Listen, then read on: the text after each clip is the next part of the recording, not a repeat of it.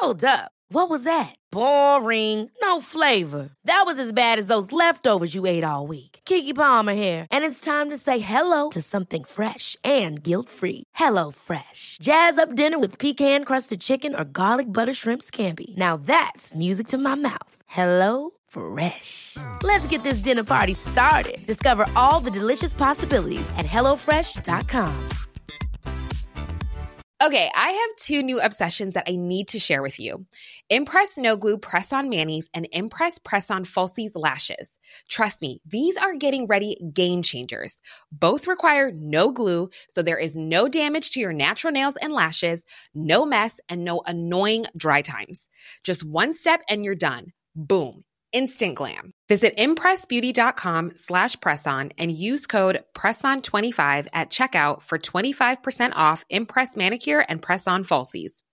Many of us have those stubborn pounds that seem impossible to lose, no matter how good we eat or how hard we work out. My solution is PlushCare. PlushCare is a leading telehealth provider with doctors who are there for you day and night to partner with you in your weight loss journey. They can prescribe FDA-approved weight loss medications like Wagovi and Zepbound for those who qualify. Plus, they accept most insurance plans. To get started, visit plushcare.com slash weight loss. That's plushcare.com slash weight loss.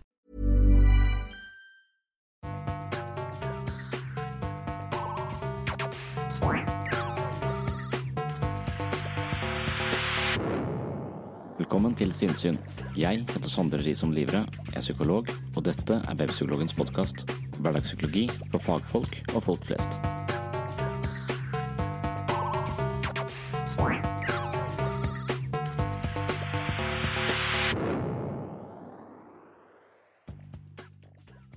Man begår ikke selvmord to ganger, og derfor er døden det mest alvorlige valget som finnes.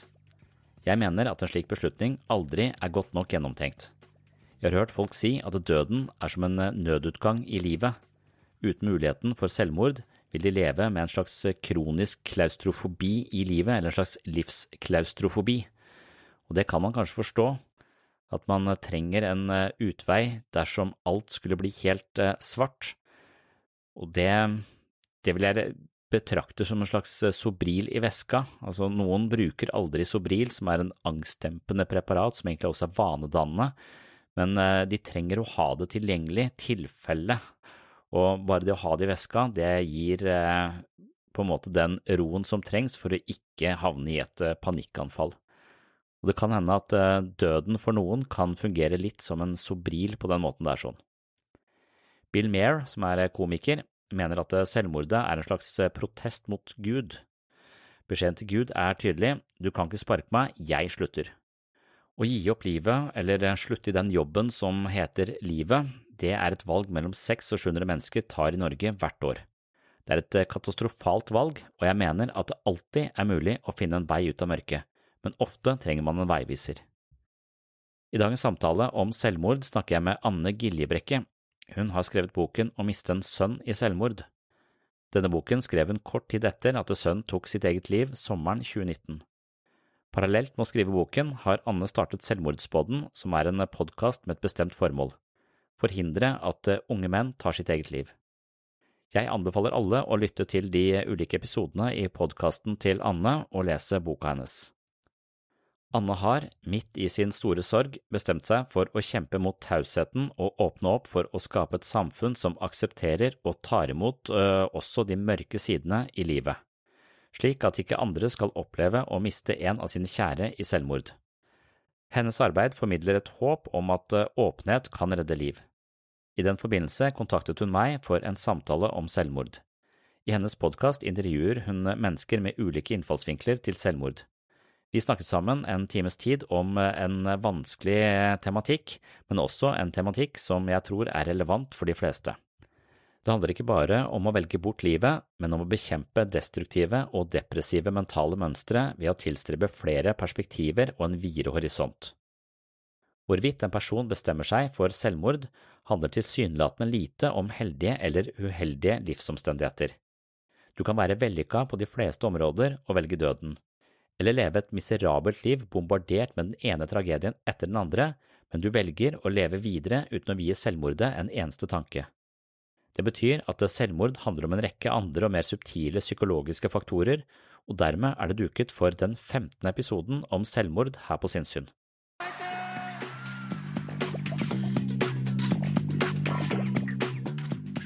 I dag har vi en spennende episode på gang. En fellesepisode mellom Webpsykologen og Selvmordspodden. Eh, Sondre Risholm Livrød, eh, psykologspesialist fra, eller bor i hvert fall i Kristiansand nå.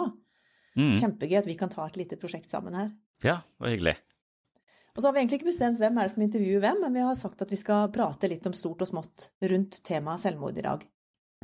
Og du er jo mye mer vant i den bransjen enn det jeg er. Du har jo gitt ut ting Når jeg har kikka tilbake igjen på dine Altså alt det du har på alle disse forskjellige plattformene, så har jo du snakka om selvmord og de vanskeligste temaene siden Ja, når begynte det egentlig?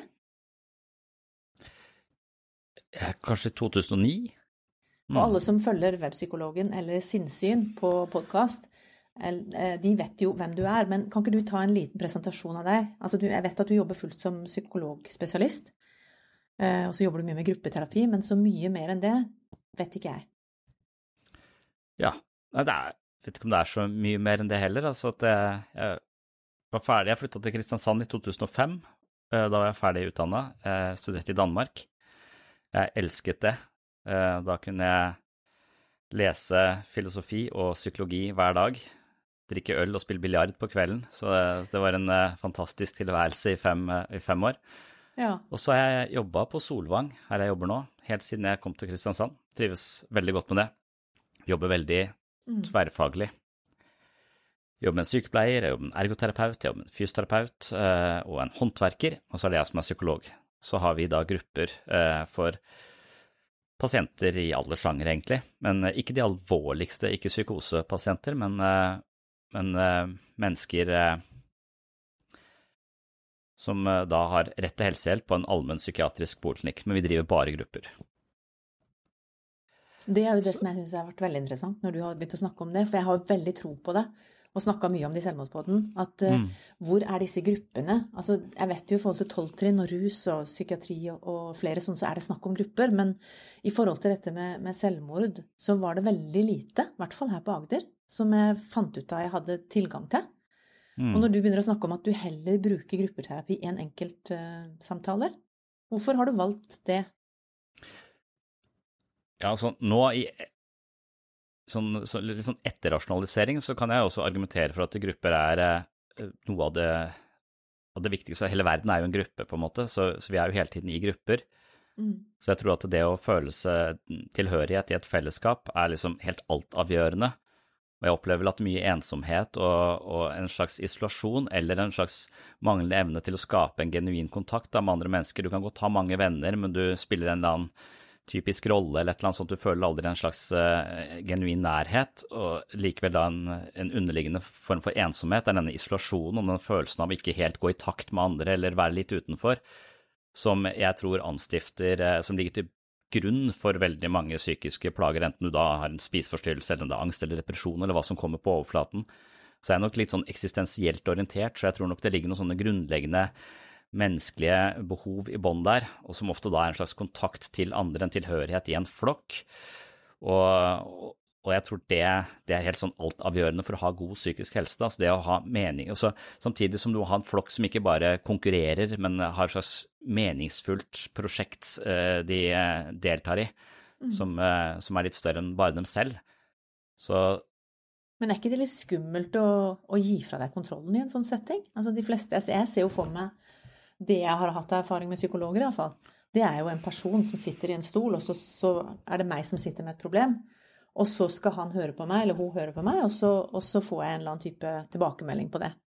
Det mm. deres veldig samspillet, er ikke det skummelt når du åpner opp for at her er det Altså for noen vil jo det være skummelt å miste kontrollen i en sånn setting. Ja, men Skjønner du hva jeg spør om? ja, jeg skjønner, skjønner hva du spør om.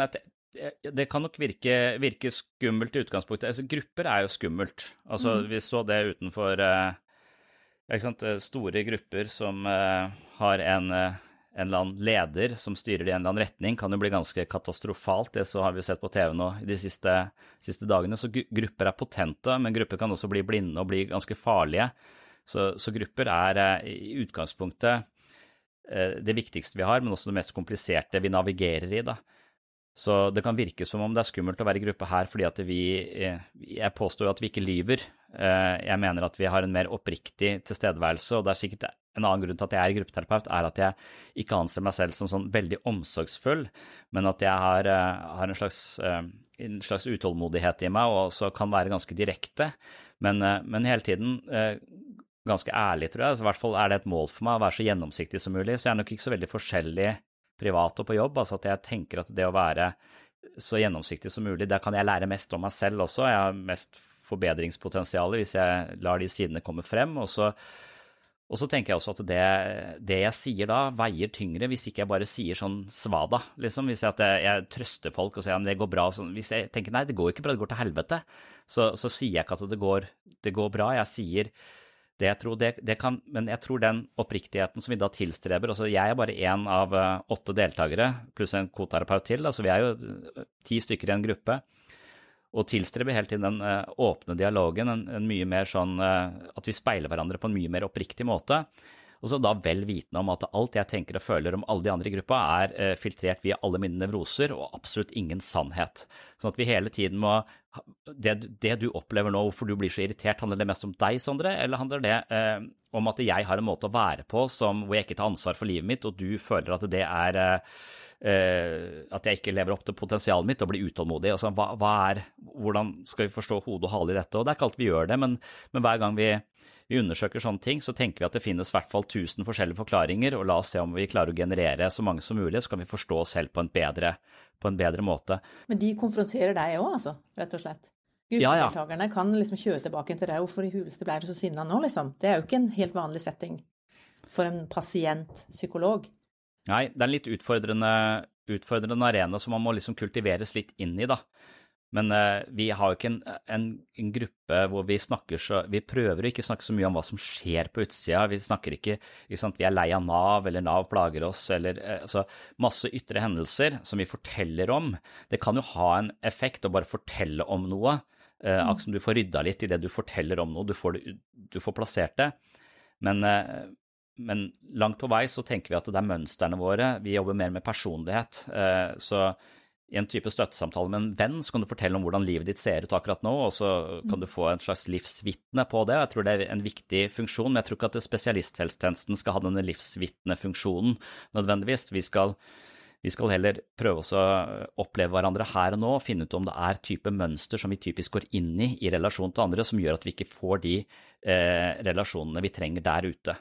Så vi, vi er slags eh, detektiver i det relasjonelle landskapet. Da. Hva er det med måten du relaterer deg til meg på som gjør at eh, folk til slutt eh, forlater deg, eller du opplever at du hele tiden ringer, men ingen ringer tilbake igjen? Hva er, hva er det med strategiene dine? Og så eh, er vi da helt oppriktige, så vi sier hvordan vi opplever hverandre, sånn at vi kanskje kan få det disse litt mer ubevisste, subtile tingene som skjer mellom mennesker, opp i lyset, da, for å, for å se, se, på det. Så du er en slags sånn gruppeleder eller guide i den gruppa? For det er jo ganske viktig i en sånn gruppe at du har noen som er litt tydelige på at ikke det tar helt av i den ene eller andre retninga. Ser du på deg som Eller hva slags rolle har du sjøl i den gruppa? Jeg er en bedre variant av meg sjøl i gruppeterapi enn jeg er på hjemmebane. For på hjemmebane okay. så blir jeg bare Da, da, da er jeg ikke så påkobla uh, som jeg i forhold til å reflektere over meg selv. Og for, for, hver gang jeg blir irritert, så blir jeg veldig nysgjerrig på det. Det er veldig interessant for meg at mm. jeg får den reaksjonen, eller jeg blir veldig berørt, så er det interessant for meg. Sånn at jeg, sånn at jeg kjenner hele tiden etter. Så det er liksom det som er målsetningen der, å kjenne etter på hva, hva som foregår i meg, og så undersøke hvordan det henger på greip med det de andre opplever. Mens på hjemmebane kan jeg jo bare forsvinne litt i meg sjøl, liksom. Så, så, så, terapi handler egentlig bare om å ha dette tredje øyet på, på, på, samarbeidet. Altså, hvis jeg skal hele tiden være det tredje øyet i individualterapi, så er det meg og en annen. Og hvis jeg da hele tiden skal være den som overvåker denne relasjonen for å se hva som skjer, så har jeg mine blinde flekker. Og mine blinde flekker jeg, De er blinde fordi jeg ikke er klar over de, men i gruppeterapi så vil det være noen andre som må overvåke de igjen. Sånn at vi hele tiden har altså Noen ganger så brukes eksempelet med, med, løvenes konge, at det er en sånn savanne hvor det er, en, det er noen hyener som driver og er korrupte og lurer deg til å tro negative ting. Du har en løve.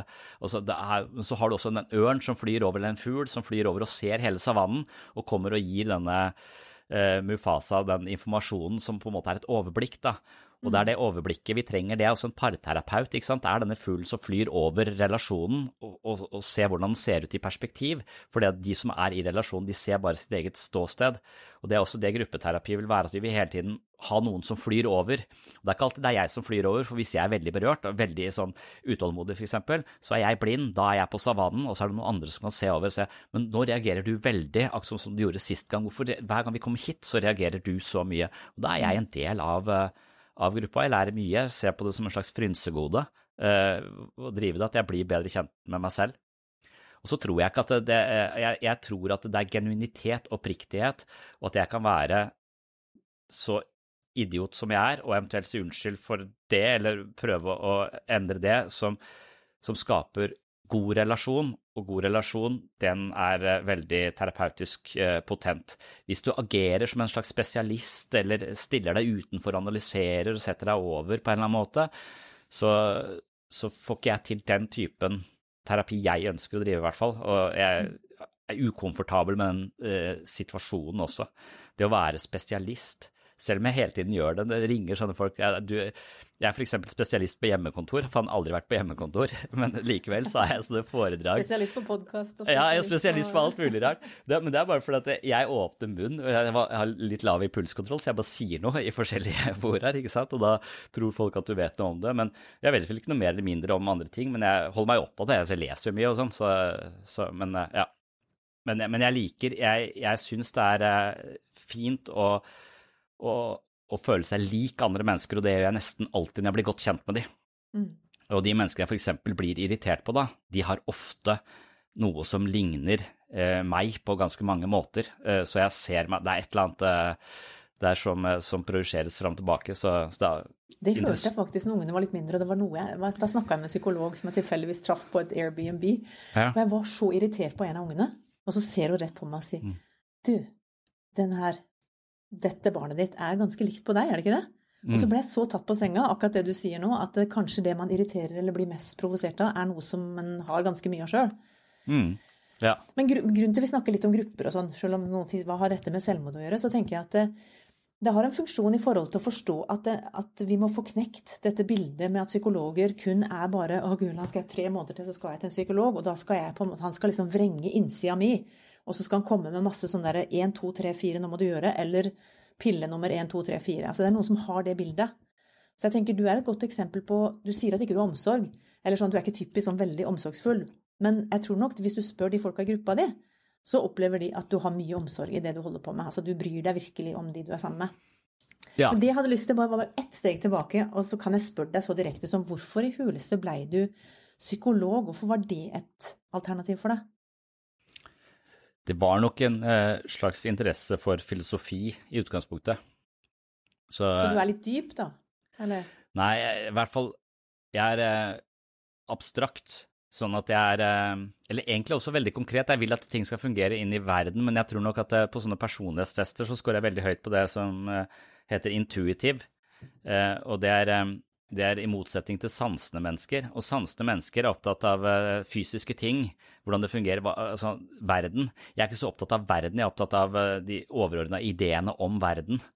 Eh, så, så, du har introverte og ekstroverte, mens den der uoverensstemmelsen altså Når folk begynner å snakke om helt konkrete ting, så faller jeg fort ut. Uh, og når jeg da snakker om uh, vi lever i parallelle universer, så faller de ut. Så det er noen sånne mennesker jeg overhodet ikke svinger med, da, som mm. jeg tror går på ikke noe introvert, ekstrovert, eller, eh, men jeg tror det går på intuitiv kontra sansene. Sansende mm. mennesker, de danser, de bruker kroppen, de er til stede i verden på en annen måte. Jeg er livredd for dans og ganske sånn distansert, men veldig mye opp i hodet. Mm. Så filosofi var interessant for meg, og så tenkte jeg, jeg er litt usikker på hva slags yrke man får hvis man er filosof så, så, tenkte jeg på psykologi som, som broren til eh, filosofi, da, og så, så, ble det det. Så du undrer deg ganske mye, både i podkasten og i, når du er på forelesninger og andre ting, så, så er det der mm. du er her og nå, liksom, og så undrer du deg ut ifra det. For jeg, så, altså jeg hørte jo det intervjuet med han Knutson, som har vært en mentor for deg. Mm. Og det er jo litt sånn der å skjønne hvordan Var det over 40 år han hadde jobba med å være psykolog? Mm. Og det at han hele tida hadde det samme som du snakka om i stad, at han hadde en sånn nesten litt sånn nysgjerrig tilnærming til når folk kommer, får en svær sånn epikrise eller hva du får for noe inn på, på pulten din, og så, og så istedenfor å bli helt overmanna eller dette her er helt håpløst, så blir du blir liksom trigga. Mm. Oi, er det dette livet du har? liksom sånn? Hvordan har du respondert på de forskjellige tinga i livet ditt? Mm. Og Hvis vi nærmer oss litt det temaet med selvmord, så har jeg egentlig bare på å lytte de siste dagene på en del av dine podkaster lært ganske mye. For hos meg så handler det jo om at jeg mista sønnen min i 2019 mm. i selvmord. Mm. Og jeg leiter, ikke sant, og så plutselig ser jeg du har fem punkter, og så tenkte jeg nei, der var ikke Thomas. Mm. Det var ikke liksom det at han var ensom, at han ikke hadde venner, at han hadde mista jobben. Det var helt motsatt. Han hadde en haug med venner, han hadde nettopp fått ny jobb, han elska livet sitt. Mm. Ikke sant? Så jeg leiter jo hele tida, samtidig som jeg lærer for min egen del, så, så, kobler jeg jo naturligvis alt inn mot hva som skjedde med han. Mm. Hvorfor gjorde han dette her?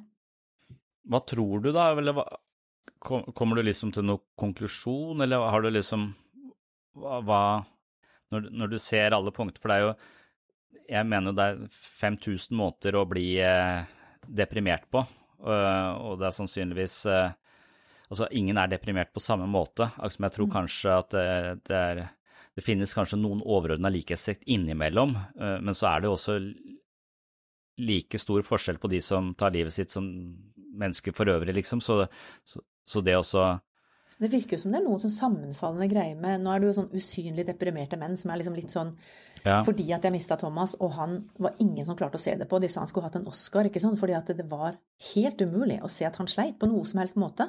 Mm. Og de tinga han sleit med, som jeg fant ut i etterkant, sånne småting, følte jeg, det holdt han jo veldig tett til brystet. Så, men så virker det jo som at jeg får ganske mye bekreftelse på at det er ganske mange av de som er veldig omsorgsfulle utad. De har masse venner. De er veldig gode å snakke med. De lykkes på mange områder i livet, og så har de da, sånn som han skrev i brevet sitt, en ekstrem Altså dette her som du snakka litt om med, med at du, du, skyter eh, Du skyter mot deg sjøl. Når, når sinnet ikke kan, kan, eh, rettes utover, så rettes det innover. Og at kanskje det har skjedd i Thomas' i tilfelle, at han hata jo å snakke om kjipe ting. Han, hata, han, han var redd for sitt eget sinne, på en måte. Han var en gutt som alltid bare smilte. Og det er ganske belastende, tenker jeg, å gå gjennom et helt liv med. Mm. Og så istedenfor å bli fordømt, da, bare tenke åssen kunne jeg gjøre det? Altså, jeg prøvde jo å åpne og prøvde å snakke med han, han, han hadde liksom aldri problemer. Men, men det, der hadde du ganske mye som jeg følte falt sammen. Da, at plutselig så kommer du til et punkt hvor jeg klarer ikke å Jeg har ikke plass til mer. Jeg har proppa alt dette her inn, og jeg har aldri snakka om det. Mm. Og så må du bare vekk, liksom. Mm. Det høres ut som en ganske vanlig Ja, et, et ganske vanlig symptom eller strategi, og det, det er så innmari stor forskjell på, på, på folk der sånn, hvordan de, hvordan de håndterer de sterke, sterke, følelsene. Jeg tror så Livskunsten er ofte også klarer å ja, finne et eller annet uttrykk eh, for det, sånn at det ikke imploderer og, og går for, for, den aggresjonen du ikke kan rette utover, den, den, vil jo ofte hope seg opp, eventuelt eh, vende innover, ja, og så bli, bli ganske aggressivt innstilt mot deg selv. Da, eh, sånn. så, så, så, det tror jeg er en sånn balansekunst og ventilering, og der, der, skiller jeg meg fra mange av de jeg møter som er veldig sånn eh, De kan være vennlige, de er alltid, de er alltid omsorgsfulle, de alltid tenker på andre. Eh, og, så, så, de har ekstremt masse gode egenskaper, men så lenge de ikke klarer å ventilere eh, noe av de kraftige følelsene, så er de bare gode for andre og ikke så gode for seg selv. Mm. Mens jeg anser jo meg selv for å være ganske sånn Altså, jeg kan komme inn døra her og så stange hodet i veggen. Eh, eller, eller, at jeg, jeg, jeg, nesten sånn eh, Jeg er nok opptatt av å ventilere eh, for, eh, for, kraftige følelser hele tiden, ved, ofte ved bruk av humor. Det er derfor jeg er så opptatt av humor også, og på en litt sånn overdreven måte. Så, så kan jeg liksom få bare utbasonert ting. Eh, mm. og, og, og, det er sånn jeg føler jeg ventilerer, så jeg vet ikke hvordan jeg hadde hatt det hvis jeg hadde holdt på alle de. Eh, de tingene, da tror jeg også jeg hadde knekt på et eller annet tidspunkt. Men så er det det å finne et språk for det. Samtidig er ikke ja. det, det problemet hos veldig mange gutter. At istedenfor ja, nå skjedde dette her, men la oss eh, ta en øl og bli Altså så mm. leve litt, og altså sånn at du spøker vekk det som du egentlig kanskje kunne ha blitt en ok samtale, da. For jeg er helt mm. enig med deg, galgenhumor. Jeg sitter jo og ler av disse podkastene dine. Av ja. de seriøse temaene. Så får du liksom litt sånn Du har jo skrevet om at uh, håper ikke folk blir støtt, eller har du sagt også, også men, men, det er din måte å presentere det på. Det er så tøft tema at vi må mm. ha noe og når jeg skrev boka mm. mi, f.eks., så fikk jeg jo kjeft av han som gjorde språkvasker, han som hjalp meg. Han sa at du har altfor mye humor. Kan ikke, mm. Du kan ikke ha humor i det. Og så måtte jeg liksom krangle meg til å få lov til å være meg. Mm. For vi er jo ikke bare uh, lei oss hele tida fordi vi opplever noe sånt. Nei. Hvordan skal du overleve uten, uten, å le? Eller Det er jo en sånn som du sier med ventilering. Ja. Altså Guttene bruker ofte det. Thomas brukte det jo veldig mye med å spøke ja. og trylle og tulle. Mm. Så så har jeg jo tenkt egentlig litt på det som noe negativt, da. På at eh, hvis du skjuler deg bak at du alltid skal le noe, alltid ha galgenhumor, mm. når får du prata om litt sånn alvorlige ting da? Ja, sånn, ja. ja. ja. Jeg lurer på om man liksom skal uh, uh, At man er nødt til å um, prøve å finne noen flere nyanser i akkurat det derre uh, feltet. For jeg, for jeg tror noe sånn grunnleggende sett som vi snakket om i stad, at det å ha en slags, føle en slags tilknytning til andre mennesker, er helt avgjørende. Og jeg tror det er den ensomheten, den der følelsen av ikke eh, være utenfor akvariet nærmest, da, og ikke være inni akvariet sammen med de andre fiskene, at den, den, følelsen der sånn kan være den som gir en sånn altoppslukende følelse av meningsløshet etter hvert, og, og, mm. at det ikke er noen annen utvei enn det, eller det er ikke noe verdt, det er ikke verdt å leve.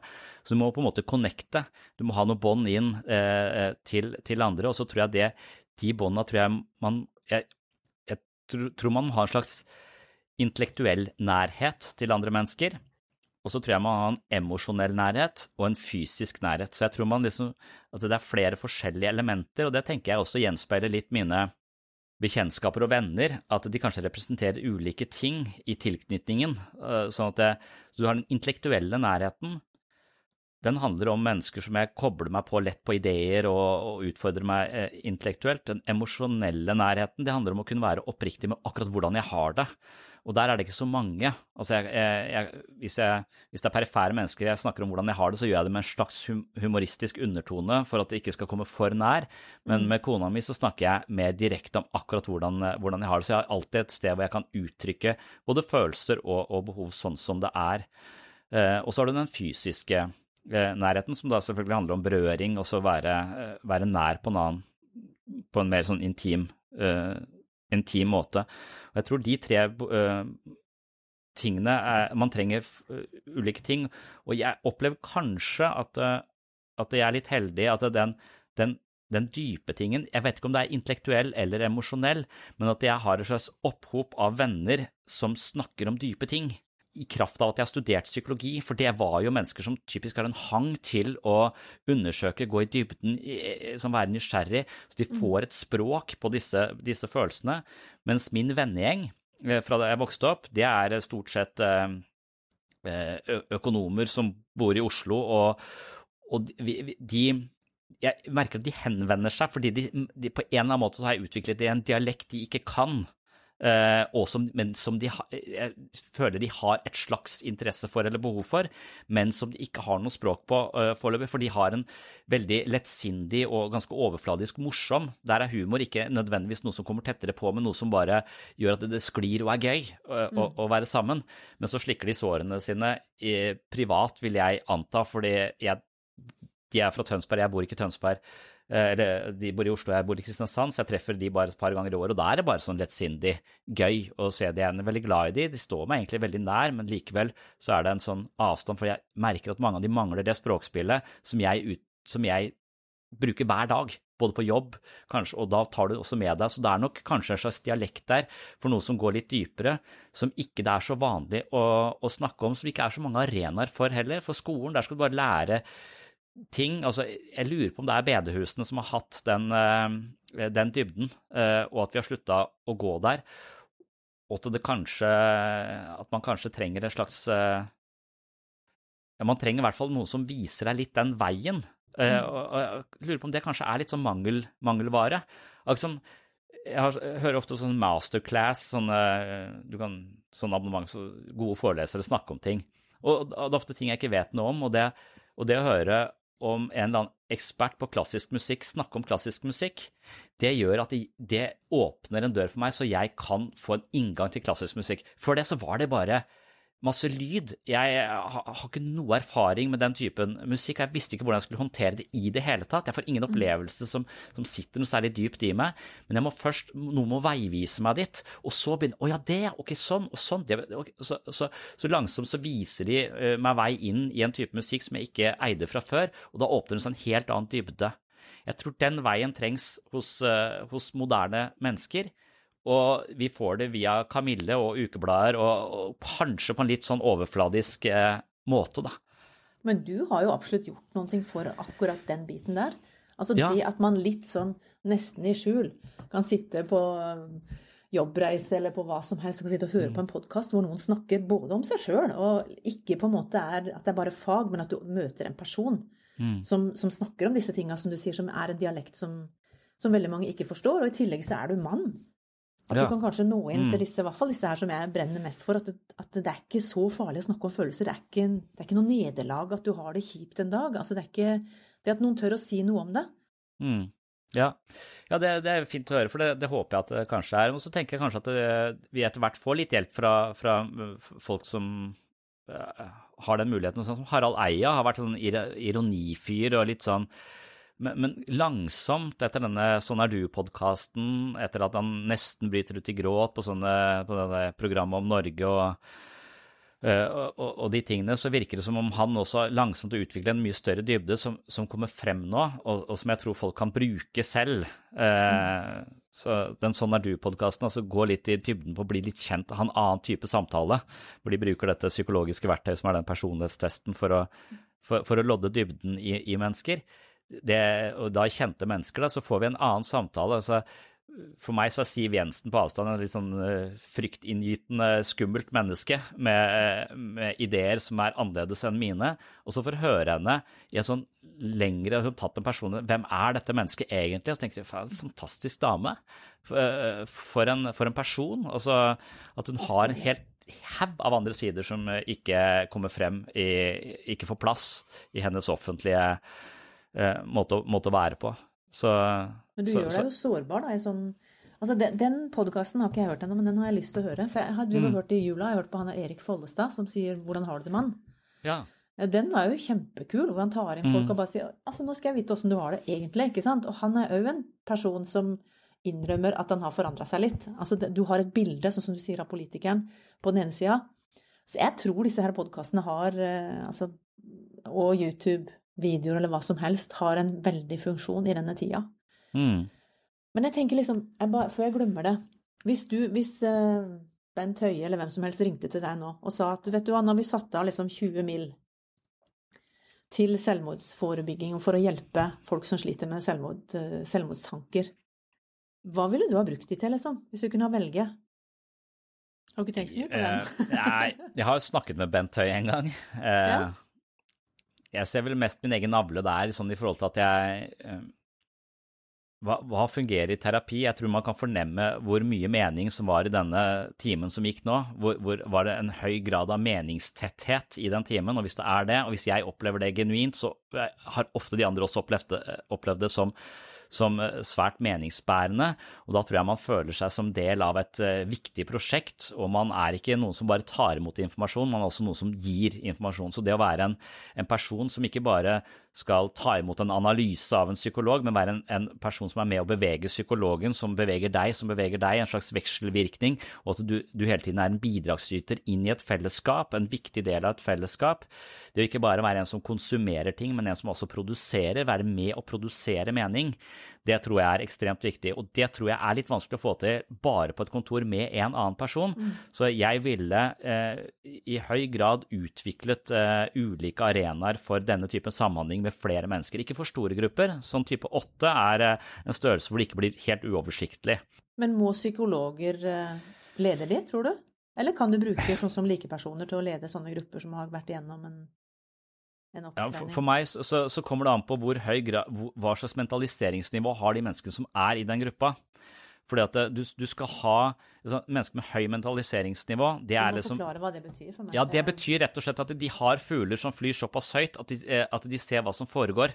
Så de har, de har i panna prefrontal cortex, så vet jeg du vet den der, Noen har en øye i panna, det er sånn yogasymbol og eh, litt sånn. Det er jo rett og slett bare Der ligger prefrontal cortex. Det er den som på en måte holder oversikten over de følelsene som eh, ligger og murrer i, i grunn av alt du foretar deg. Så du har motivasjoner som du ikke selv er klar over, sånn at du må hele tiden reflektere litt over hvorfor gjør jeg dette, hvorfor gjør jeg dette. Så i en sånn setting av mennesker som har et lavt mentaliseringsnivå, så vil det fort smyge seg inn type maktkamper eller behov for anerkjennelse og de steder. Så det, det, er veldig lett at det blir destruktivt, at det ikke blir den åpne så, så man trenger en viss grad av kompetanse på seg sjøl for å være en, en gruppedeltaker som kan, le, som, som kan sørge for at det, det, gravitasjonspunktet i gruppa er på såpass høyt nivå at det ikke blir sånne subgrupper og utstengelser og misnøye som vi ikke snakker om. Ikke For det er så mange En skoleklasse er full av baksnakking og alt mulig rart, veldig vanskelig å håndtere og ofte skadelig for folk. Så grupper er både skadelige og kurative. Men tenker du grupper innen psyk psykisk helse, eller tenker du at vi kan Altså, når du har fått denne pengesekken, kunne du ha multiplisert noe av alt det som du holder på med, ut i feltet, liksom? Jeg vet ikke hvor mye man kunne gjort. Jeg tror mange gjør veldig mye bra, så, så det er liksom så, så, så, stort og vanskelig. Jeg bare registrerer også at vi jeg, jeg lurer på hvor mye kunne vi gjort hvis vi hadde brukt all tida vår på å gjøre det vi kan, og ikke på å dokumentere at vi har gjort det vi skal. og så bruke halvparten av tida vår på, uh, på, ja, på det jeg kaller bullshit-arbeid og new public management. Mm. Altså at, så, så, det å være litt sånn smidig og bare Ja, men da, da, kan du jo være med oss her. Og ja, da blir du med sånn Den, den smidigheten, hver gang jeg prøver å være smidig, så må jeg starte et pakkeforløp, og da må jeg utrede i seks timer. For? Så, så, den smidigheten som jeg av og til prøver på, den, den, den blir liksom det blir røde tall i systemet, så, så du vegrer deg for, mm. uh, for, å liksom håndtere ting litt fleksibelt. Fordi de, de, er redd for at hvis du bare slipper behandlere helt løs, så, så, vil, så, vil, de miste kontrollen på hva folk egentlig gjør, og da vil det være noen idioter som driver med litt sånn hårreisende uh, ting. Det er sikkert noen som kommer til å ta fram noen krystaller eller et eller annet, ikke sant. Men kan du ikke ha noen retningslinjer for hva som er ok? Liksom? Jo, vi kan ha Vi har så mye retningslinjer og så mye krav og så mye sånn for at alt skal liksom være så likt som mulig. og det i det hele tatt er diagnoser og alt dette her, så, så vi bruker så mye tid på å diagnostisere, f.eks. Det, det er nesten som at hver gang et menneske har problemer i livet sitt, så må det utredes. Mm. Uh, og, så vi ser ikke altså, og, og det å få en diagnose på det si at det, eh, men, men, livet handler om balanse. Altså, jeg, jeg, hadde en periode nå hvor jeg var veldig sånn oppstemt og fikk gjort masse. Er jeg manisk? Nei. Er, for jeg sitter i inntakt nå. Ja, men så var jeg nedfor etterpå. Ja! Det, det, for det, er en balanse mellom det å være aktiv og ikke gå for, for all in, og så bli helt oppslukt, og kunne bremse, ta en pause. Hele livet er balanse, og hvis du kommer i ubalanse, som du gjør hele tiden, så er det ikke nødvendigvis en sykdom, det er ubalanse. Gjenfinn balanse, og det, det, må vi streve Så jeg føler litt at hver gang du får en diagnose da, så kan du legge det på diagnosen. Jeg er syk, jeg har ikke men, Mens dette er et livslangt prosjekt for alle mennesker. Så jeg er litt redd for at vi sykeliggjør en del ting, og at vi bruker ekstremt mye tid på å stille folk standardiserte spørsmål som egentlig ikke fører til noe annet enn et eller annet tall som utløser en eller annen rettighet, og spiser opp tida vår så vi ikke får gjort det vi egentlig skal. Og det er forbanna eh, irriterende, for at vi hadde hatt så ekstremt mye mer kapasitet hvis vi, hvis vi hadde Ja, noen hadde sikkert fått sånn rar krystallbehandling eller blitt dårlig behandla, men, men, nå får jo ikke folk behandling, for det er fordi vi driver og sitter foran dataen og dokumenterer ting. Så nå står jo folk i kø istedenfor i det hele tatt. Så hvis 3% får ræva behandling, da, eh, og 97 faktisk får behandling, kontra at 20 eh, i det hele tatt får behandling, men den behandlingen er da såpass standardisert at det er ganske sannsynlig at de får noe som er regulert godt nok. Så jeg, jeg, tror ikke man helt ser eh, Ved å bare regulere og regulere og hele tiden ha nye prosedyrer, så tror jeg vi vi får ikke tid til å hjelpe de som trenger det. da. Så, vi har, så 20 millioner eh, vil jeg brukt på å legge ned byråkratiet. ja, men Det er veldig sånn det er somatisk, eller hva det heter. Altså, det er jo sånn man kan redde liv for folk som ah, jeg får ikke puste, ikke sant, og har vondt her, og det er ute i venstre armen, så skjønner du at det er kjempeviktig å få stilt diagnosen, så du kan få medisiner som hjelper kroppen din. Men det virker som det henger etter i 2021. Så henger det fremdeles etter at det, ok, du har den og den, vi må få deg inn i diagnosesystemet og få satt deg på et eller annet. Og så er det veldig mange som opplever at der slutter det. Vær så god, her har du to pilleglass, nå må du gjøre sånn og sånn, og så kommer du tilbake igjen om en måned. Så, men hva gjør jeg i mellomtida, da? Hvordan håndterer jeg min hverdag? Hvordan Og det er jo derfor folk også blir redde for å begynne å komme inn i systemet, for de bare tenker at eh, hvor ender jeg opp hvis jeg begynner i denne altså sånn, Er det nødvendigvis en diagnose jeg jakter på, eller går det an for meg å altså, sparre med folk, sånn at jeg kan finne ut av hvem jeg er? Mens jeg står i kø, eller mens jeg Det er liksom den jeg kan kjenne. Det er ikke, det er ikke hallelujastemning bare du kommer inn hos en uh, psykolog eller blir innlagt. Nei. Det er jo liksom hva gjør du i mellomtida, hva gjør du etterpå at du har fått diagnosen, og hva skjer Mm. med de, de som er rundt deg, liksom. Det her systemtenkninga òg er jo noe som har gjort i hvert fall at jeg slutta i psykiatrien sjøl. Jeg følte at eh, det er liksom veldig sånn oppstykka, akkurat som i somatikken, med fysisk helse. Ja, og så er somatikken Det er så synd at vi er liksom i kompaniskap med somatikken. Det er fordi at noen diagnoser er ganske sånn biologisk forankra, da. Eh, Så du har noen alvorlige sinnslidelser, kanskje bipolar lidelse, kanskje noen sånne har en slags sterk biologisk forankring, så det biologiske veier tyngre enn i de fleste andre psykiatriske psykiatriske eh, diagnoser, som ofte bare er en slags eh, tall på, på balansen i livet ditt, eh, og en symptom som, som dukker opp. Så, så mens i somatikken så vil du forvente at jeg har vondt i armen, den armen skal repareres og smerten skal fjernes, for smerte er et tegn på at noe er feil. Um, på sett og vis er det jo sånn i, i psykisk helse også, men det å fjerne den psykiske smerten, hvis det er målet vårt, eh, så kan du gjøre det med medisiner, men den smerten er jo der for å, for å fortelle deg noe viktig. Så det er jo ikke noe vi skal ha vekk. Det å ta vekk eh, smerten er jo å undergrave problemet og late som om det ikke eksisterer. Eh, så, så, Bare ha så, hånda på plata, du. Vi skal ikke snakke om det. ja, du, du, du må liksom det, det, det, er et, eh, det er ikke noe som skal fjernes eller noe som er feil, det er et signal vi skal forstå. Eh, og da er det nok naturlig for mennesker å ikke egentlig ville forstå det også, for at det, det å gå videre inn i smerten når smerten er vond, det, det, er, det virker som om det er feil vei å gå. Altså, vi skal vekk fra smerten. Ja. Altså, det, det ville være den naturlige tanken i, i forhold til somatikk, og jeg tror vi overfører den til psykisk helse. De, men jeg tror de fleste psykologer vil tenke motsatt om det, at og, og kanskje da skuffe folk som sier at ja, men jeg skal bare ha vekk denne angsten. Ja, men da skal vi jo uh, gå inn i denne angsten, vi skal forstå denne angsten. Er, så, så vi skal motsatt vei av hva du hadde forestilt deg, og motsatt vei av hva du har prøvd nå på i 20 år ved å jobbe deg ja, liksom, Jobbe døgnet rundt eller distrahere deg selv hele tiden. Så, så det er den der eh, veien eh, inn i smerten og en slags nysgjerrighet på smerten, da, for den kan lære deg noe. Det er kroppen som varsler, eller følelsene dine eller sinnet ditt som varsler deg om at noen ting Du håndterer noe litt sånn krokkete. Ja, og så, så tror jeg da ofte at det, hvis du går inn i det, så vil du oppdage at du for eksempel eh, smiler hele tiden, selv om du egentlig har lyst til å sette grenser og, og være eh, tydeligere. Og, og, så, så at, eh, men, men hvis du gjør det, eller hvis du, hvis du innser det, så betyr det også ganske store omkostninger. Du må begynne å handle ganske mye annerledes i møte med andre mennesker og i verden for øvrig. Ja, hvem Og- blir du da, liksom? ja, hvem blir du da? For at da er du plutselig på et stadie hvor du forlater dine gamle strategier, men du har ikke utvikla dine nye strategier ennå. Og da vil angsten øke. Så idet du forandrer deg på en positiv måte, så vil du få mer angst, mens du i utgangspunktet prøvde å få mindre angst ved å gjøre de samme tingene som egentlig ikke førte eh, deg til noe spesielt eh, godt sted i utgangspunktet. Sånn at det, det er bedre å være trygg på de gamle destruktive strategiene enn å utvikle nye. For det er, og barn tvinges jo til dette, for barn får nye egenskaper i huet sitt som de er nødt til å ta i bruk, hvor de skjønner at de mine tidligere måter å tenke om livet på fungerer ikke. Eh, dermed så må jeg utvikle nye, og da er de et mellomsjikt der sånn, hvor de står mellom to jobber, kan man si, da. Mellom det gamle en ny måte å skulle Så det å starte en helt ny jobb, det er også ganske angstprovoserende, ikke sant, og så kommer du inn i det. Men sånn er det med psyken vår også, at vi kommer til å måtte forlate noen måter å tenke på til fordel for noen nye.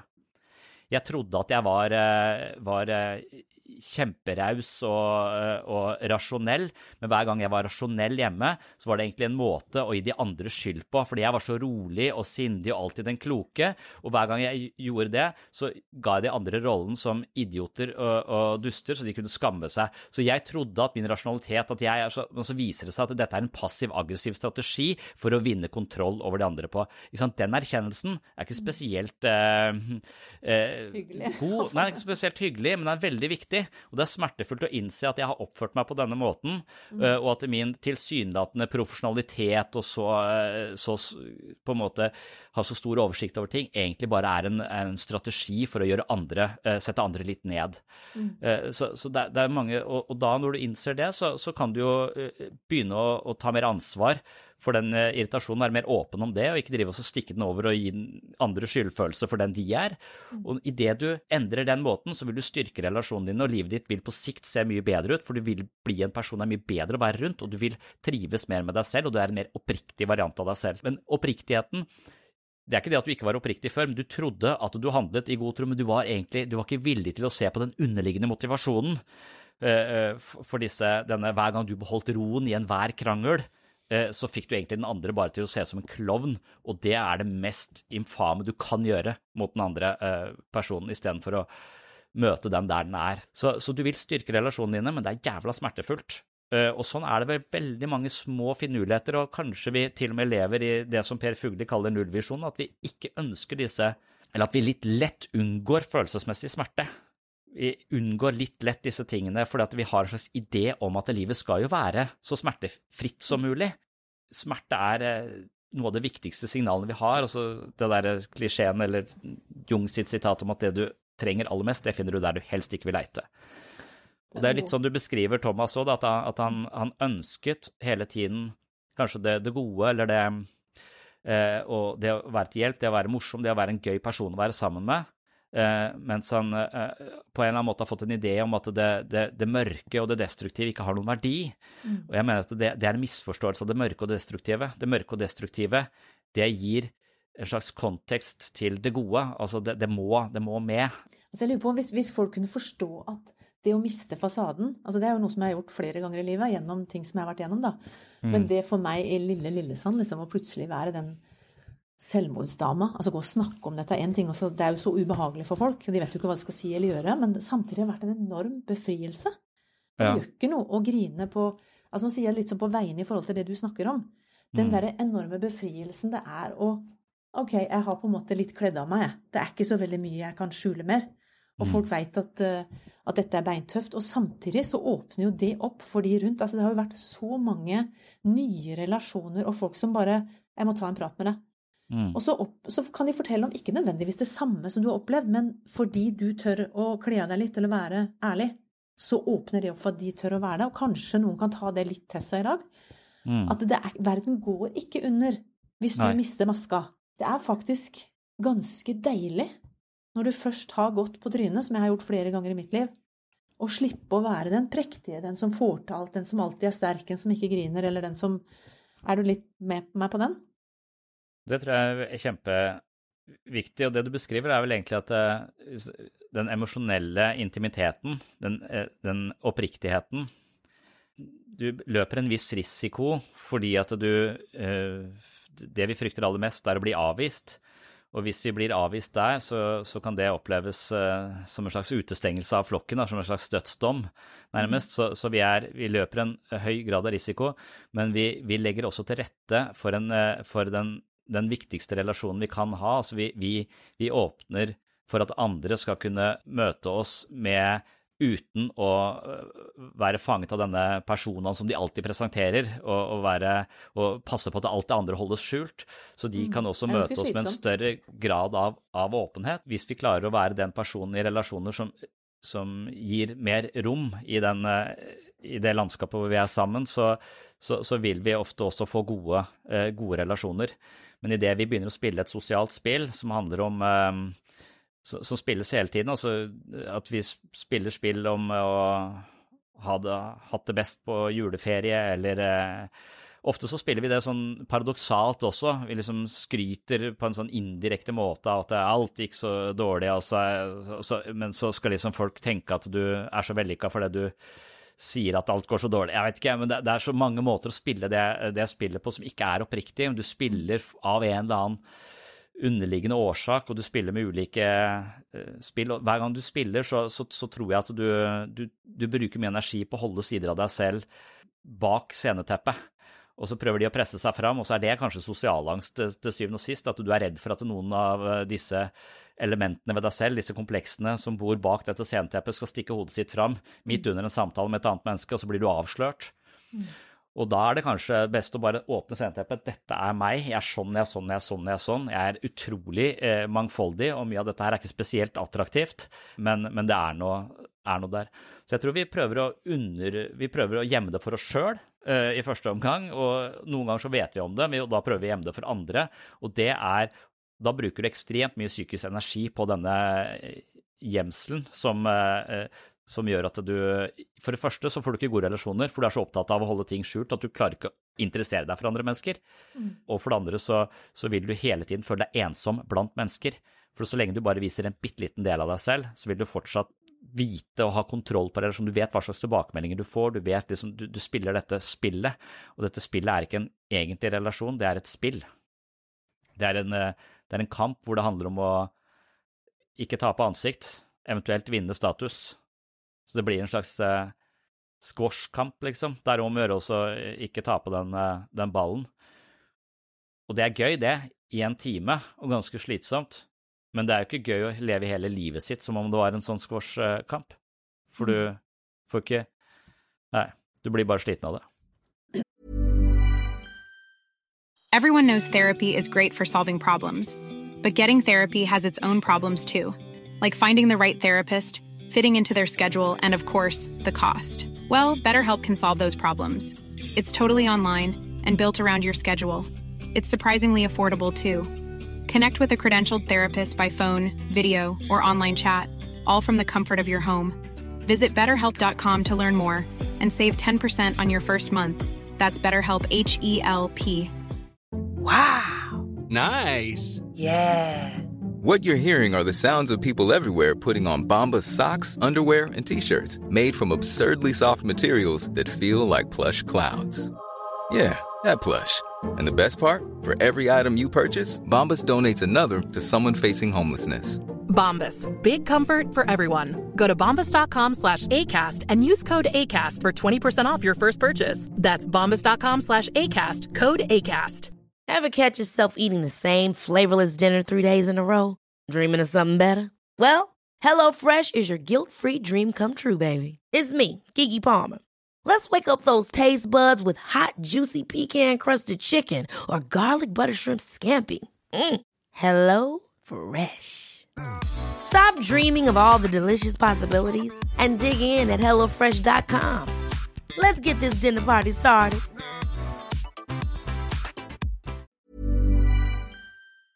Iallfall i forhold til våre lyttere, så er det jo tenker jeg, i forhold til disse unge som ikke snakker altså de, Spesielt mennene, da, siden du er mann, men eh, det kan jo gjelde begge kjønn. Har du noen sånn type oppfordring til de? Altså Hvis du sitter der og kjenner deg igjen i noen av tankene at det er sånn jeg lever. Jeg lever med det sceneteppet. Kjempe Jeg har jo polstra det og, og ja, brukt alle mulige slags midler bare for å holde masse ting bak der. Hva kan de gjøre som ikke er inne i systemet eller aldri har snakka med noen? Hva, har du noe råd eller noe sånt? Det hjelper jo sikkert å snakke om det, men du må liksom finne din eh, takt og tone også.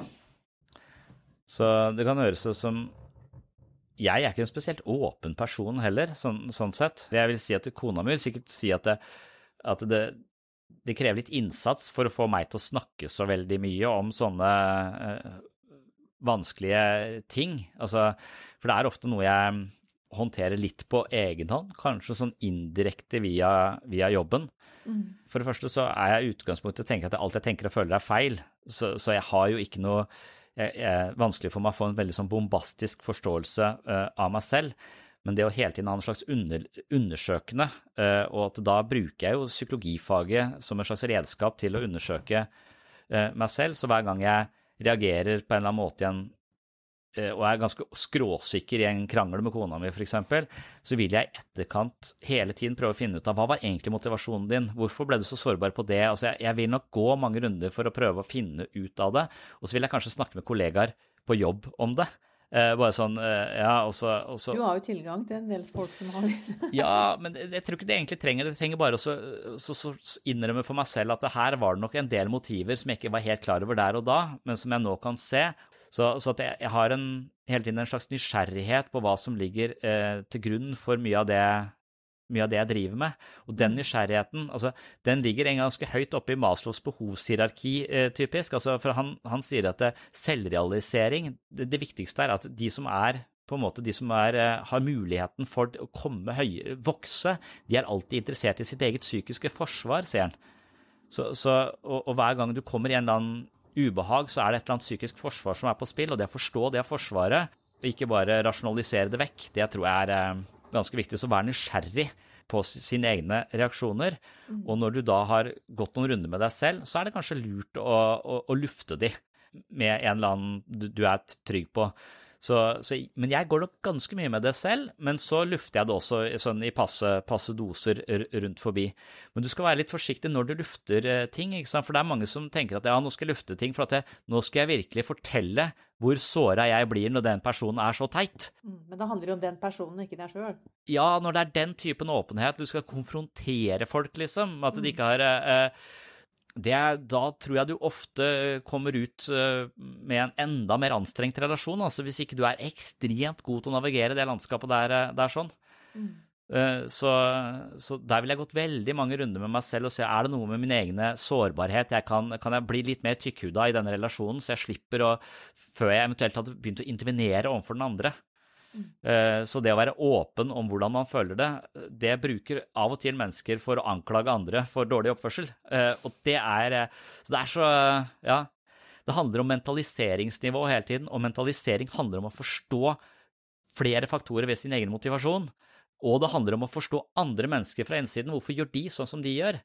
Og det å ha en slags nysgjerrighet på det, som jeg kaller sinnssyn, som er podkasten, det tror jeg kan, kan hjelpe oss. Men for å utvikle den nysgjerrigheten, Akkurat som jeg trenger en eh, vinkjenner for å forstå vin, eh, og en eh, klassisk musiker for å forstå klassisk musikk, så kan det være man trenger en filosof, eventuelt en psykolog, for å forstå den typen kompetanse. Mm. Selv om den er egentlig en kompetanse alle har, for vi omgås jo hele tiden. Men det å dykke litt mer og se litt flere nyanser i, den, i det der, det tror jeg kan hjelpe. Og da håper jeg kanskje at sånne sånn podkasten din, eh, selvmordspodkasten eller, eller sinnssyn, eller eh, Sånn er du med Harald Eie, altså de, de, er litt med på å eh, skape den dialekta, utfolde den dialekten, gjøre den allment tilgjengelig. Altså, Freud er jo en av de personene som i psykologien har gjort mest for skal vi si, vår forståelse av vårt eget indre liv, fordi at han hadde så stor gjennomslagskraft som veldig mange av de det, mye av det språket vi bruker, som si superego eller ego, det har vi jo fra han, og han hadde så stor eh, innflytelse at dette har blitt eh, noe som folket eier. Det har blitt eh, en folkelig sjargong som, som, har gitt oss et språk på noe som før var ubevisst. Mm. Så han gjorde, hans mål var jo å gjøre det Ja, hans mål var å gjøre det ubevisste bevisst, og på mange måter så har han jo gitt oss et språk for noe av det ubevisste, sånn at vi kan gjøre det, det bevisst. Men uh, vi er langt ifra i mål. Det er liksom, litt sånn som en trening, tror jeg. Det er ikke noe du kan gjøre bare én gang, og så har alle det. Det er litt sånn som å gå på, gå på helsestudio. Uh, du må nok også gå på en slags sånn mentalt helsestudio hvor du, hvor du litt undersøker disse mulige måtene å se ting på. Mm. Og så hvis du da har en sirkel, en flokk med mennesker som har den samme interessen, så tror jeg det kom eh, sykt land. Så de 20 millionene bør brukes på den typen arenaer. Men det er ikke sikkert eh, Da ville jeg ikke putta de inn i mer diagnostisering av eh, kjærlighetssorg, sånn at vi kan kalle det depresjon og medisinere det. Mm. Da ville jeg putta det inn kanskje på et bibliotek, da. hvor, hvor vi lagde grupper hvor folk leste forbrytelse og straff, og snakket om dårlig samvittighet i sitt eget liv. For det er en komplisert følelse. Skyldfølelse er en komplisert følelse alle har. Veldig vanskelig å håndtere. Kan det være så konkret som å gi folk eh, økonomisk hjelp, på en måte? Eller eh, gå på skole? Altså det at en er i en gruppe hvor det at man får en type utdannelse da, som gjør at tankene kan endres? psykisk uhelse handler selvfølgelig om hvor bemidla du er, på mange måter.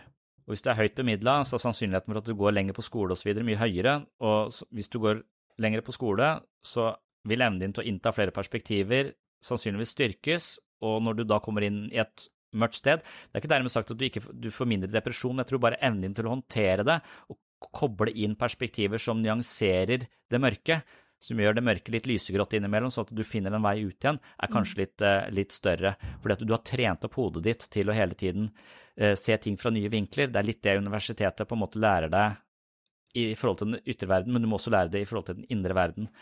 Så, så jeg tror nok at det er en sånn type utdannelse, men jeg tror også en sånn type introspeksjon, da, undersøkelse av sitt eget indre liv og filosofi, altså religion, filosofi, psykologi, litt samme gate, ikke sant? Men det har ofte vært religionen som har vært det eh, ute blant folket, mens psykologien eller psykiatrien det har vært en, en del av sykehuset, institusjonalisert, det har liksom ikke vært der ute. Mm. Filosofien også litt tilhørt universitetene, på, på, sett og vis, og disse arenaene hvor man faktisk praktiserer filosofi, da, bruker altså filosofi som verktøy for tenkning. Hvordan bruker vi dette verktøyet for tenkning til å unngå at vi havner i en eller annen mørk blindgate, hvor den eneste veien vi ser ut, er uh, å ta vårt eget liv, for det her er totalt håpløst. Og da, da, er ikke dette noe som nødvendigvis fødes i grupper av mennesker av seg selv. For at det, grupper sånn som min vennegjeng, da, vi har det gøy, vi har det morsomt sammen. Det har en mm. høy verdi å ha det gøy og være lettsindig og ha det morsomt. Men det er bare én av uh, mange behov man har. Uh, og hvis, hvis, du hele tiden omgås grupper som, som, er gode på det, men kjempedårlige på å lodde dybden i, i, ting, så kommer du til å oppleve en eller annen mangel, og til slutt kanskje føle at det, verden er sånn som jeg tror den, den er glad og fornøyd. Jeg er glad og fornøyd, jeg òg, men innerst inne så er det noe helt annet som bor. Hvor, hvor, skal det, hvor skal det få plass? Jo mer du undertrykker det vonde og vanskelige, jo skumlere blir det, og jo større blir bøygen for å på en måte få det ut. Du tror ikke, mens, mens Når jeg snakker med Harald Knutson, f.eks., han har en slags interesse, ikke sant? Han har sånn, både for de mørke sidene i han selv han er, Så lenge jeg har kjent han, han har snakket om døden, han skrev han bok om døden, ikke sant. Ja, så, så han, og han er redd for å dø, det har han sagt flere ganger. Han har jo gitt meg halve biblioteket sitt, for han er så redd for ikke å få lest alle bøkene sine før han dør. Så jeg har fått i oppdrag å lese de, sånn at noen i hvert fall får lest de. Det er viktig for han. Det er så merkelig, eh, merkelig ting, ikke sant. Og, og det også det å klare å, møte det mørke med en form for nysgjerrighet, som er ganske vågalt, uh, men da, da er humor et, et, redskap, men at vi må liksom vi må finne en måte å håndtere det på, sånn at vi, vi kan få noe ut av det, kan bli et interessant prosjekt. Mm. Og det, det, er nok eh, litt sånn altså, Jeg er nødt til å etablere en interesse for mine egne mørke sider, for å være interessert i andres mørke sider, og når de ser min interesse, så kan de kanskje adoptere den litt. Men sånn, nei, vi ikke dit, det er bare, det er gravalvor, det er skummelt, det er, det er, mørkt, det er trist, det er svart. Nei, men det er også mye kunnskap der, og den kunnskapen kan være ganske eye-opening på mange måter. Her kan du lære ekstremt mye. Men du har jo aldri Du sier jo ganske klart når du snakker med han også, at du, du aksepterer ikke selvmord som en akseptabel løsning eller et eller annet sånt. Nei, det gjør jeg ikke. For du snakker om at skal forstå døden for, Noen velger jo døden fram Altså det er mindre skummelt med døden enn det er å snakke om disse tinga, liksom. Eller det er å, å ja. vise seg sjøl, eller vise det som er bak det teppet, da. Jeg husker, jeg husker jeg som kom liksom kanskje litt galt ut i den uh, eh, podkasten med han uh, fordi at jeg inntok det standpunktet, men jeg tror liksom jeg uansett står for det, for det, det er mer en slags holdning jeg har. At, uh, at jeg vil mene at uh, For det første så vil jeg mene det er irrasjonelt å mene at døden er bedre enn livet, bare fordi at du ikke vet hva døden er. Så allerede der så har du ikke du, du kan, det, det, blir bare et, en, en gjetning uansett. Så, så, selv om du lever i en konsentrasjonsleir, så kan du påstå at det er bedre å dø, eh, men du kan dypest sett ikke vite da heller. Mm. Fordi, at, eh, fordi du, du, har jo ikke vært død før, og ingen har vært død og kan fortelle deg hva det, eh, hva det innebærer. Så Sånn sett så er det et irrasjonelt valg. Men, men, langt de fleste menneskene jeg møter, har jo tanker om døden, og ofte tanker om døden. Og, og jeg jeg kan forstå det og har jo sympati for det, jeg synes det er et forferdelig sted å være, men, men, jeg kan også tenke at eh, for mange av de så er det fordi de sitter i Platons hule, de tror at dette er livet. Eh, og, og, så, og så, så, ser de bare skyggene på veggen, eh, men, men de, de, aner ikke at de er i en hule, for de har aldri vært utenfor hula, for. Altså, det er alltid et perspektiv du ikke har vært innom, det gjelder meg også.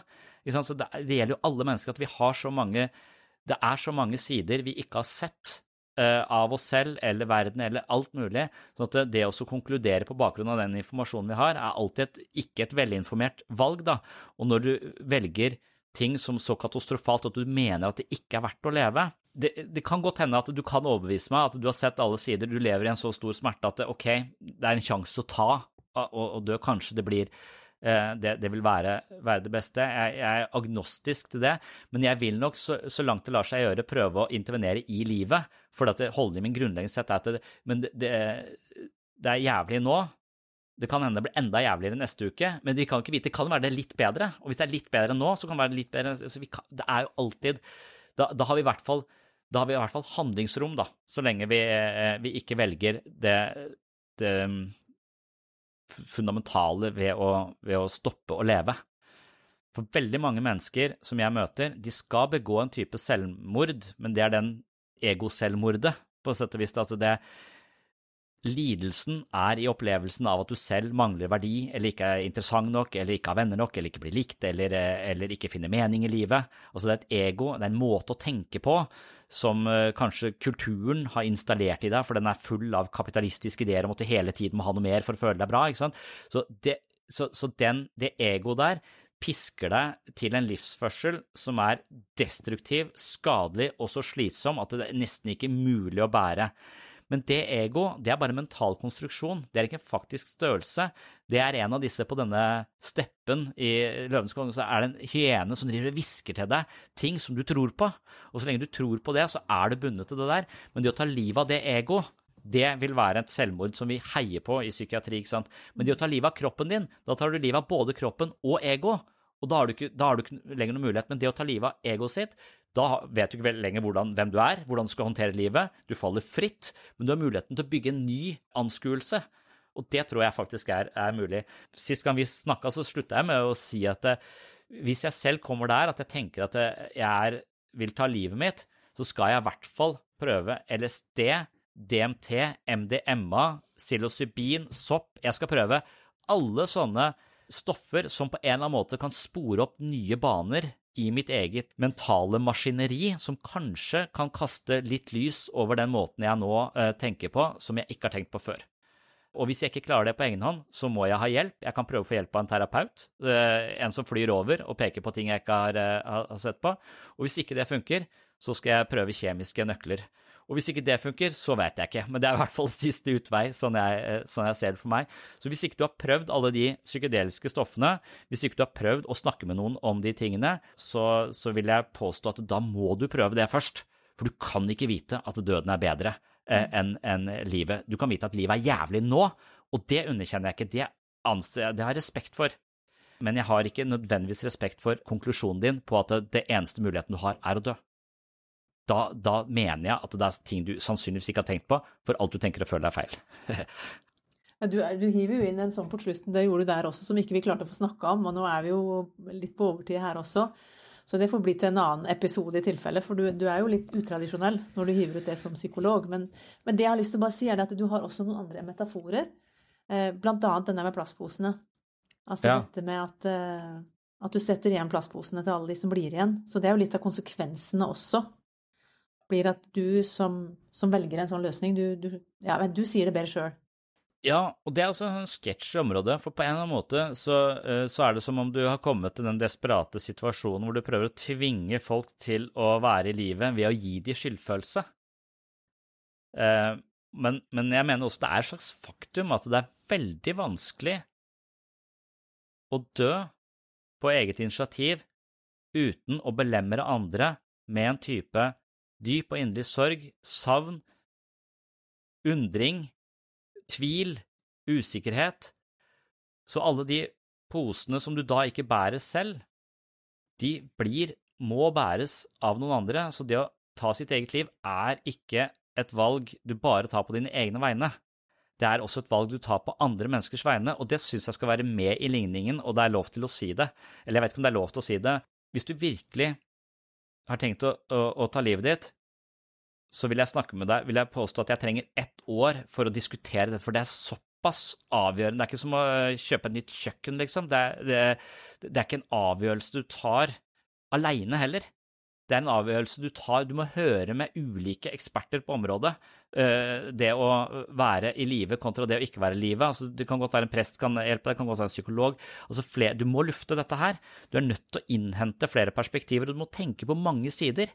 For det er så mange, mange ting, ting, ved det. Mm. Så, så, jeg vet ikke hva du, hva du, tenker om det som på en måte pårørende. at det, det er jo en fullstendig snu opp på livet for alle. Altså, ja. Det er jo både fysisk og psykisk og alle veier. Altså det, kroppen kollapser jo. Det hadde jeg jo aldri forventa meg. At for, både for meg og jentene så går det jo inn i akkurat som hele immunforsvaret forsvinner, og du får all verdens med rare ting som skjer. Mm. Og det er klart at det, det, tristeste for meg er jo å se i disse gruppene med etterlatte at det er ja. så mange som de sliter fra dag til dag, og nå er det ni år sia, nå er det elleve år sia, og det er mm. fremdeles like vondt, og jeg vet ikke om jeg klarer mer. Nei. Så det er klart, det der å, å få hjelp, både for de og for Altså å få fram også den enorme belastninga det er for etterlatte. Uansett hvor kjipt, så har jo vi tenkt mange ganger, det er jo ingenting som vi ikke kunne ha altså, båret sammen med deg, eller stått sammen med deg om, som, eh, som skulle Ja, skulle, hvor vi kunne sagt at det er det beste at du tar livet ditt, for uh, eh, dette blir for tungvint for oss. Ja. Og det er det mange som sier. Jeg gjør det jo fordi at det er sånn en belastning for de andre. Hvis de hadde visst om dette, så hadde ikke de makta det. Men det er, vil jeg påstå, at det er i 99% av tilfellene. Hvis du er en oppegående person som er glad i denne her personen som vurderer mm. selvmord, så er det helt på trynet å tenke sånn. Mm.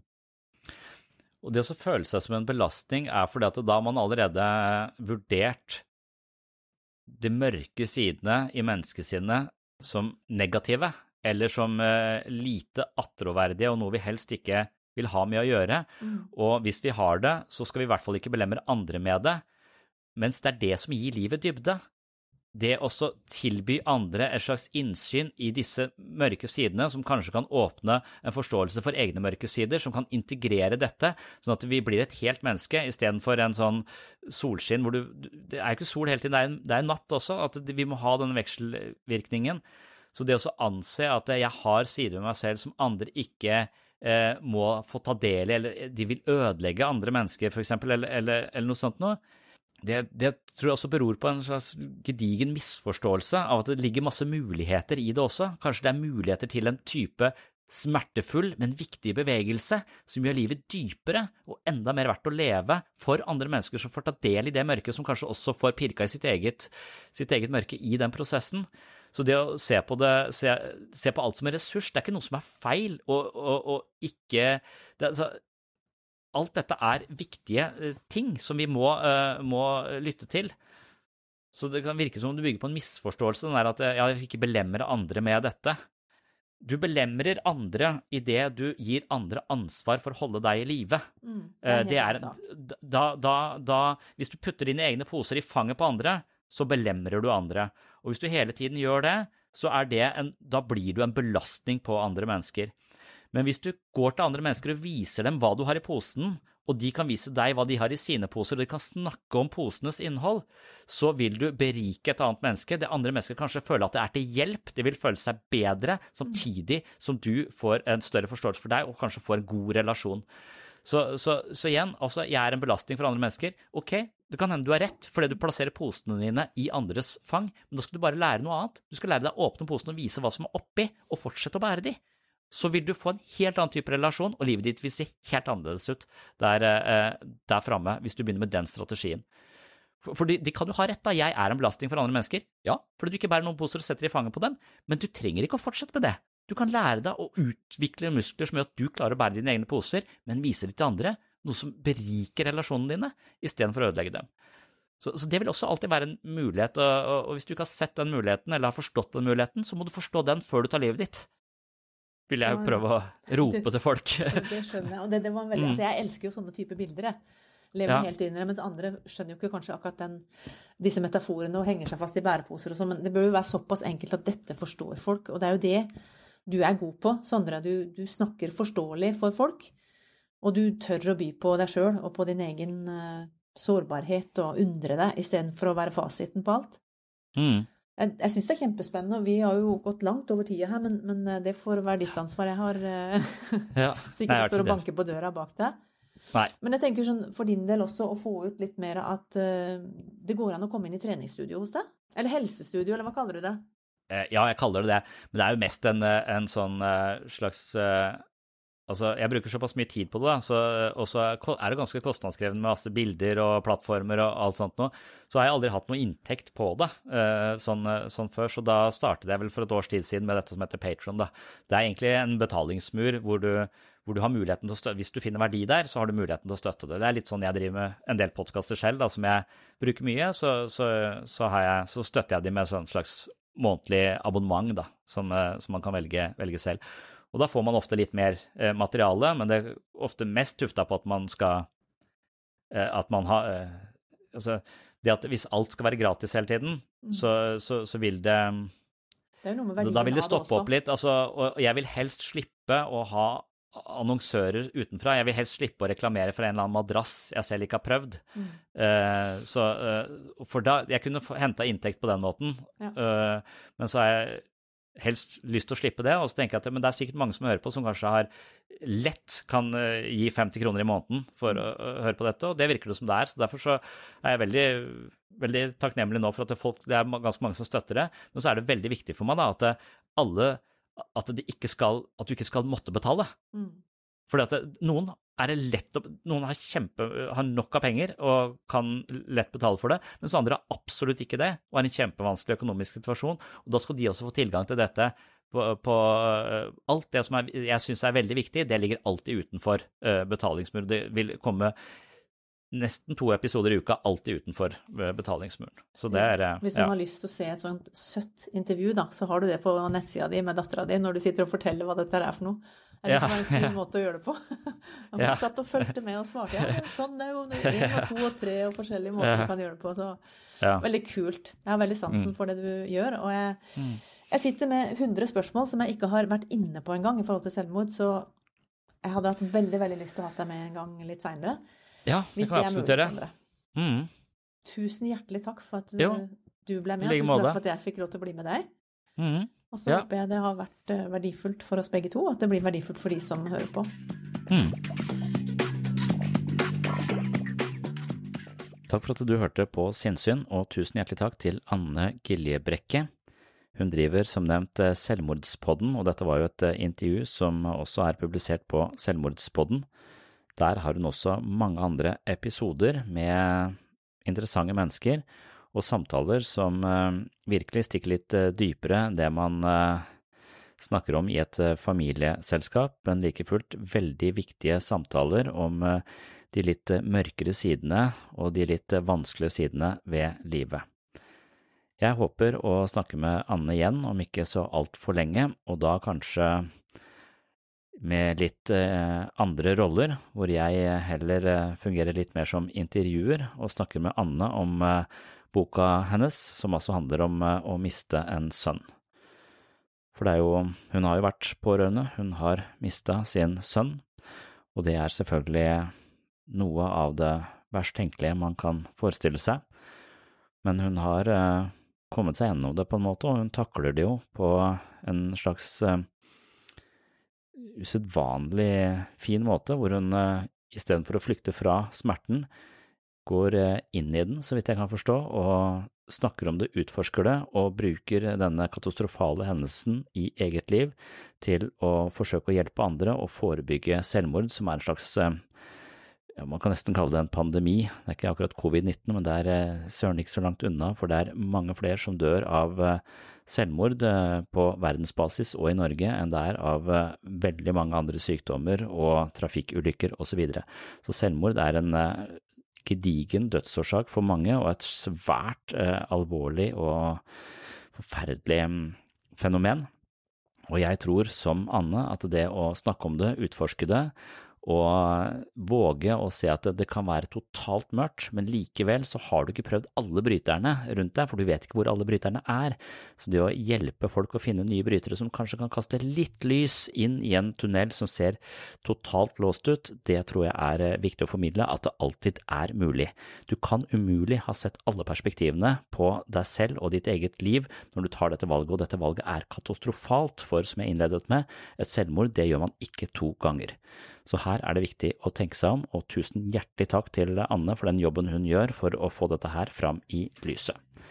Det var det jeg hadde for eh, denne gang. Håper du henger med i neste episode. På gjenhør.